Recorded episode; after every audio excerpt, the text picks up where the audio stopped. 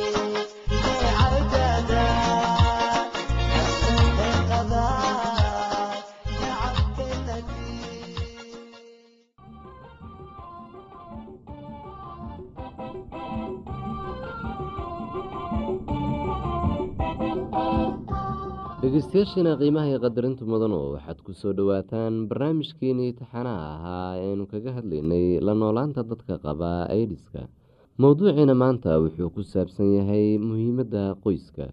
Qoysyadu muhiimad weyn bay u leeyihiin dadka qaba h i v-ga ama aidiska guriga qoysku wuxuu ahaan karaa hoy meel dadka ku nasan karo iyagoo aaminsan in la jecel yahay lana ogol yahay meel geesi inay ahaadaan ama ay qariyaan dareenkooda. Haddii qofka qoyskaaga ka mid ah uu qabo h i v ama idis siyaabo badan ayaad ugu gargaari kartaa waxaad ugu gargaari kartaa inay nastaan adigoo u fulinaya shaqadooda guriga. Waxaad ugu gargaari kartaa adigoo siinaya cunto nafaqo leh uguna soo adeegaya suuqa una karinaya waxaad ugu gargaari kartaa inaad ka baabi'iso cabsidooda adigoo u muujinaya kalgacayl. Haddii h i v ama idisku aada qabto waxaa wanaagsan in qoyskaagu ogyahay waayo waxay ku siin karaan kalgacayl iyo taageero. Mustaqbalkaaga ayaad qorshe u sameyn kartaa waxay kula qaybsan karaan culayska ka haysta dhanka dhaqaalaha aad bay kuugu fududaan doontaa haddaadan qarin marxaladaada haddii qof ka mid ah qoyskaaga uu qabo idis waxaad kartaa inaad raashin iyo biyo u soo qaadid inaad dharka iyo go-yada ka dhaqdo iyo inaad karkaarisid. Xasuuso haddaad qabtid h i v ama idis waxaad adeegsan kartaa aqoontaada oo dadka kale ayaad ugu gargaari kartaa waxaa qoyskaaga bari kartaa siduu u faafo idiska waxaad ugu gargaari kartaa siday ugu digtoonaan lahaayeen h i v-ga tani waa gacan ka geysashada ugu kalgacayl weyn oo aad sameyn karto. Marmarka qaarkood markuu nin uu ogaado in afadiisu ay qabto h i v ama idis wuxuu ka fogeeyaa guriga ay ku wada nool yihiin marmarka qaarkood naagta ayaa ninkeeda hadduu qabo h i v ama idis ka fogeysaa amase ka tagta. Kala tegiddu waxay sababi kartaa mushkilado kala duwan. Shaki kuma jiro in caruurtoodu ay dhibaatoobayaan. Caruurta waxay waalidkood ugu baahan yihiin kalgacayl iyo hogaamin kala tegidoodu waxay sababi kartaa inuu h i v faafo tusaale ahaan ninka naagta qaba wuxuu qabi karaa h i v laakiinse wuxuu raboon karaa inuu guursado naag kale. Naagta cusub ee uu guursado waxa ay ka qaadi kartaa ninkeeda h i v-ga. Waxaa wanaagsan inaysan kala tegin ninka iyo naagta isqaba h i v awgii ee ay mustaqbalkooda ku dadaalaan siday nolol wanaagsan u sameyn lahaayeen. Mararka qaarkood qoysku wuxuu ku murmaa sababta u keentay h i v-ga. Arrintani waxay abuuri kartaa calool xumo weyn waxayna qoyska u keeni kartaa qorshe mustaqbalka ay u sameyn kari lahaayeen oo adkaada. Waxay adeyg uga dhigi kartaa inay ku noolaadaan xaqiiqada. Xasuuso dadka qaba h i v ama idis waxay u baahan yihiin macaamiil dhaqaatiireed si ay fiicnaan u dareemaan cimrigooduna uu u dheeraado. Ragga xaaska leh ama qaraabo kale oo magaalada ku harsan waxay weli taageero siin karaan xubin qoyska ka mid ah oo tuulada u laabaneysa waxayna u tegi karaan booqasho. Haddii naag la qabo ay dib ugu soo noqoto tuulada waxay horay u qaadan kartaa waxyaabaha ay leedahay oo ay ku iibsatay lacagteeda xaq bayna u leedahay inay haysato waxyaabaha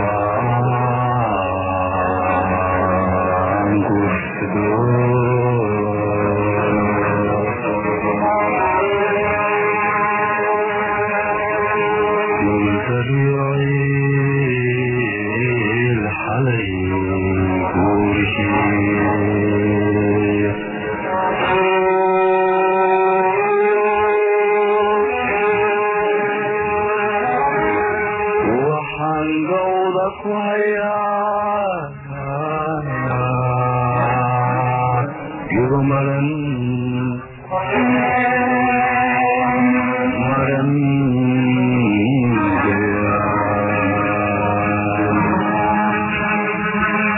waxaan gowda ku hayaa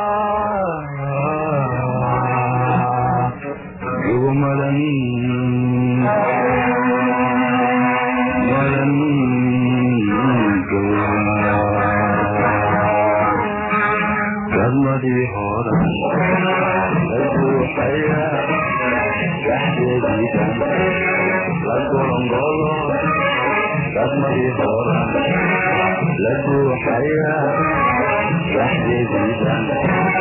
la golongolo gaxaltooyadiiniga gaabsate gaxaltooyadiiniga gaabsate gaxaltooyadiiniga gaabsate ulow alla igargaaraye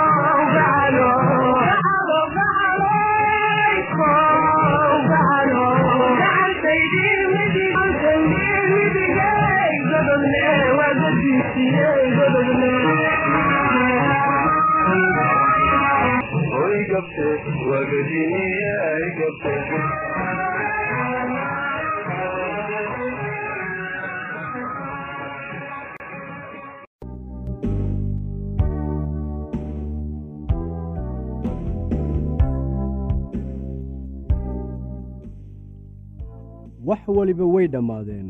Qofkii aad wada joogteen maanta waxa uu doonayaa inuu qof kale la joogo. Miinadii kol hore ayaa la riday oo ay qaraxday. Haddaba maxaad samayn? Shantan siyaabood keebaad dooran. Ta koowaad inaad jilbad jabsato oo aad tuugto qofkii aad wada joogteen oo aad weyddiiso inuu dib kugu soo laabto. Ta labaad inaad ballanqaadyo culculus samaysid oo aad u sheegtid qofka kale inaad noqonaysid sida uu kaa doonayo waxa aad ballan ku qaadaysaa inaad isbeddelaysid. Ama tan saddexaad waxaad iska dhigaysaa mid murugsan oo waad ilmaynaysaa si uu markaasi uu qofku kuugu naxariisto. Haddii ay taasi shaqayn weyso malaha markan waad baruuran oo oohin la ajligeed ayaa wejigaaga ku bararayaa laga yaabaa fikraddan afaraad inuu shaqeeyo haddii ay kuwii kale shaqayn waayeen.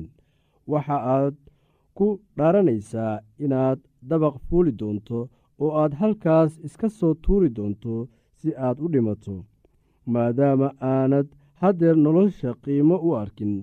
Kuma muuqato wax faa'iido ah oo aad u sii noolaatid. Bal eeg fikraddan shanaad uga mahadnaq qofkii aad wada joogteen wakhtigii aad wada qaybsateen ka dibna kala dhaqaaqa oo mid waliba guri gaar ah ha ku noolaado. Aalaa qofka la furay marka waxa uu dareemayaa xanuun oo caro la ajligeed ayaa waxa uu u horarayaa qofkii kale. Waxa uu sidaa u samaynayaa inuu ishilmaansiiyo xanuunka furitaanka. Adiga laftaada waxaa dhici karta inaad andacootid oo aad qofkii caysid oo aad tustid sida uu xayawaan ama nacas u ahaa markii ugu horreysay ee aad wada kulmayseen iyo siday u wanaagsanaan lahayd haddii aad iska furi lahayd waa hore.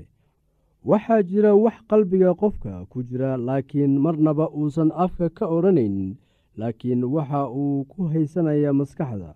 Waxa uu is odhan karaa isaga weeye midka aan i doonaynin laakiin aniga weli waan doonayaa. Marka warku ku saabsan waxa aad adigu tahay faafo cid ku rabaysa ma jirto. Maadaama aad aniga idiidday waxa aan isku taxallujinayaa inaan arko adiguna inaanay cid ku rabin. Mararka qaar ka aargoosashada noocan ah ayaa waxa ay u dhacdaa si cad oo weerar ah markii uu cumar furay sacdiya waxay ku tidhi isaga iyada oo qaylinaysa inaad sidan samayn weligay waan ogaa. Markii hore ayaan qalad sameeyey maba ahayn inaan ku guursado. Inaad qofka waxyeelaysaad jeceshahay sow ma ahan. Marar badan ayaad ii waxyeelaysay oo aan xitaa tiradoodu xusuusan laakiin marka aad ii dhammaysay wax walbaan ku siiyey oo wax walbaan kuu sameeyey. Bal haddana fiiri sidaad iila dhaqmaysid. Allah haddii aan sidaan ogaan lahaa markii horeba weligaa iima aad roonayn. Mararka qaar marka dareenka xiriirku kor ahaa qofka doonaya furniinka waxa uu ka helayaa qofkii kale jawaab ku salaysan goodin wax isdabamarin iyo xitaa dagaal. Hanjabaad ku saabsan inaad qofka sirtiisa sheegaysid ama aad daraag isticmaalid ku kici doontid ama aad isdeli doontid ama waxaad odhan jumladooyin ad adag adiga oo doonaya inaad qofkaasi ku dheganaatid. Mararka qaar qofka la diiday wakhti yarba ha ahaatee waxa uu ku cararayaa inuu xiriir cusub la yeesho qof cusub si uu u soo gudo jacaylkii ka lumay iska ilaali inaad qof jeclaatid isla markii lagu furo. Xusuuso haddeer wax waliba oo aad samaysid adiga ayay dushaada tahay. Waxaana laga yaabaa inaad ku degdegtid xiriirkan. Maxaa wacay? Waxaad doonaysaa inaad buuxisid meeshii bannaanayd. Jacaylka noocaas ah kadib furniinka allah waa mid been ah oo muddo yar gudaheeda ku soo gebagabooba haddii aad ka naxaysid oo aad weli xurmo u haysid qofka bilaabay furniinka waxaa wanaagsan inaad qofkaasi wakhti siiso furniinka dabadii si uu uga fikiro oo bal u eego inuu wax qalad ah sameeyey intii aad xiriir cusub bilaabi lahayd. Wakhti ku filan sii oo ka bixi shakiga ku jira maskaxdiisa ama maskaxdeeda. Markaan isku day inaad wax wanaajisid waxa aad qofka kale u sheegtaa in isbarashadii aad isbarateen runtii ay aad ugu wanaagsanayd oo aanad fahamsanayn sababta ay u dhammaatay laakiin haddii ay sidaa dhacday aad u rajaynaysid farxad kaamil ah. U xaqiiji qofka inaad weligaa saaxiib la ahaanaysid. Markii wax waliba la yidhaahdo oo la sameeyo aqbal xaaladda oo u isticmaal sida kugu wanaagsan intii aad isku baabi'in lahayd dhegeystayaal ku soo dhowaada idaacaddeenna oo aad xiliyadan oo kale hawada inaga dhegeysan jirteen. Anigoo ah cabdi maxamed waxaan idin leeyahay dhegeysi suuban. Waxaad barnaamijyadeen maanta ku maqli doontaan heesa iyo waxbarasho caafimaad iyo nolosha qoyska haddii aad qabto wax su'aalaha fadlan inala soo xiriir.